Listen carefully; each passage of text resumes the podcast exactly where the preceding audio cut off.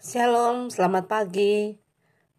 Puji Tuhan, kita hari ini bisa bersama-sama kembali merenungkan firman Tuhan. Karena firman Tuhan itu adalah pelita bagi kakiku dan terang bagi jalanku.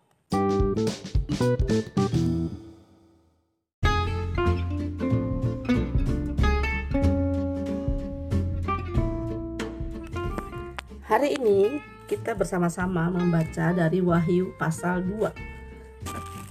Wahyu pasal 2 berisikan nasihat Rasul Yohanes kepada jemaat di beberapa tempat.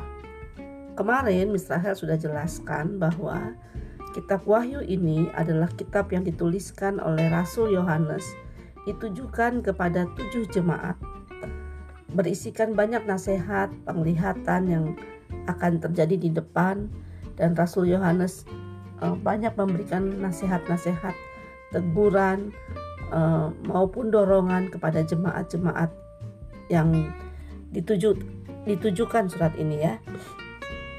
Jemaat yang pertama adalah jemaat di Efesus, lalu jemaat di Smyrna, lalu jemaat di Pergamus dan jemaat di Tiatira. Hal itulah yang kita baca di pasal yang kedua. Setiap jemaat itu masing-masing nasihatnya, tidak sama. Ada teguran di situ, ada juga nasihat, ada juga harapan dan ada juga janji yang terkandung dalam setiap surat. Anak-anak bisa lihat masing-masing.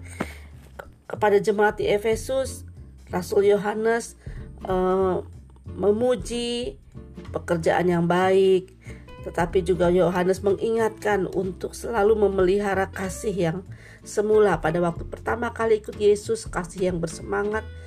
Itu Rasul Yohanes memberikan dorongan kepada kepada jemaat di Efesus untuk untuk biarlah kasih yang mula-mula itu boleh kembali.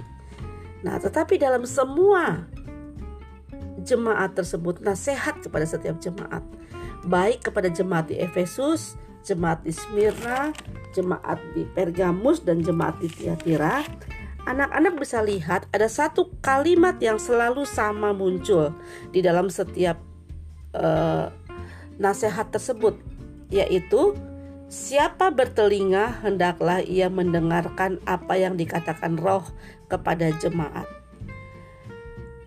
Ayat ini Perkataan ini muncul baik kepada jemaat di Efesus di ayat yang ketujuh maupun kepada jemaat di uh, Smyrna ayat yang ke-11 juga ada di jemaat di Pergamus yaitu ayat 17 dan juga kepada jemaat di Tiatira yaitu ayat 29.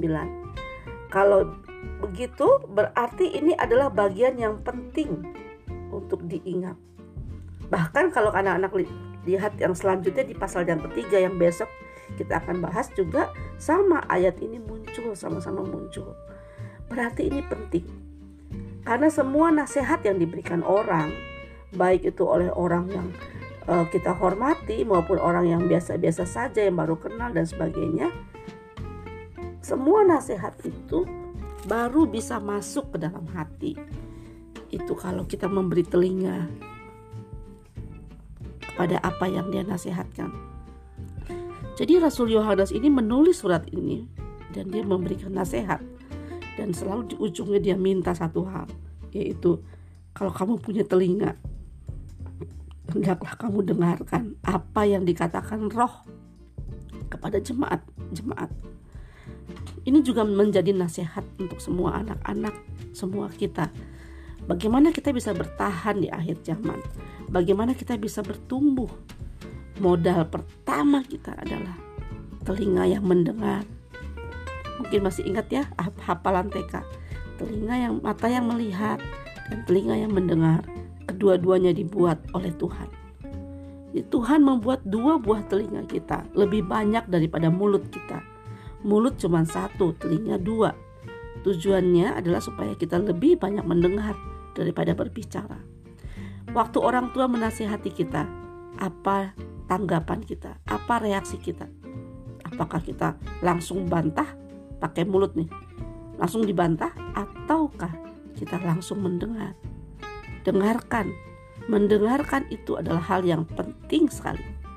bahkan salah satu nasihat yang penting di kitab perjanjian baru perjanjian lama adalah dengarlah hai Israel jadi mendengar itu adalah sesuatu yang sangat penting. Modal pertama kali kita bisa belajar adalah mendengarkan. Mendengarkan bukan mendengar biasa-biasa saja. Sekali lagi ya mendengar dengan mendengarkan itu beda. Mendengar itu sambil lalu. Iya udah tahu iya udah tahu. Kamu tahu belum? Kamu waktu dinasehati apa perkataanmu? Seringkali anak-anak bilang iya udah tahu iya udah tahu. Tapi hari ini firman Tuhan men menegaskan satu suatu hal yang sangat penting untuk kita bisa hidup untuk kita bisa bertumbuh untuk kita bisa menjadi orang besar adalah mendengarkan kalau kita punya telinga barang siapa bertelinga hendaklah ia mendengarkan apa yang dikatakan roh kepada jemaat-jemaat. Berarti roh kudus itu bisa bicara kepada kita. Kita mau dengarkan apa tidak? Nah kalau roh kudus yang tidak kelihatan itu kita tidak bisa dengarkan, sulit untuk kita bisa bertumbuh.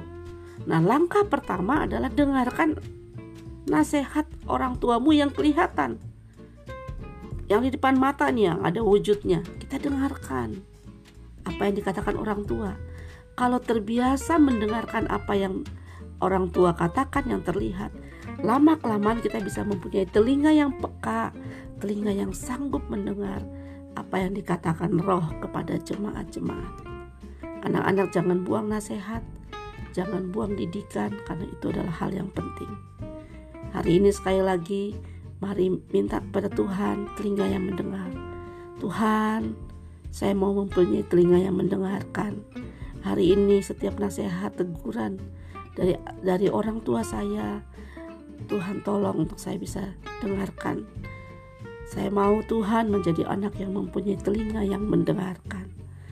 Nah, saya percaya bahwa kalau saya terlatih mendengarkan nasihat dari papa, mama, orang tua, guru, dan sebagainya, saya akan punya kemampuan juga mendengarkan apa yang Roh Kudus sampaikan kepada saya. Terima kasih Tuhan. Tuhan Yesus memberkati anak-anak, jadilah anak yang suka mendengarkan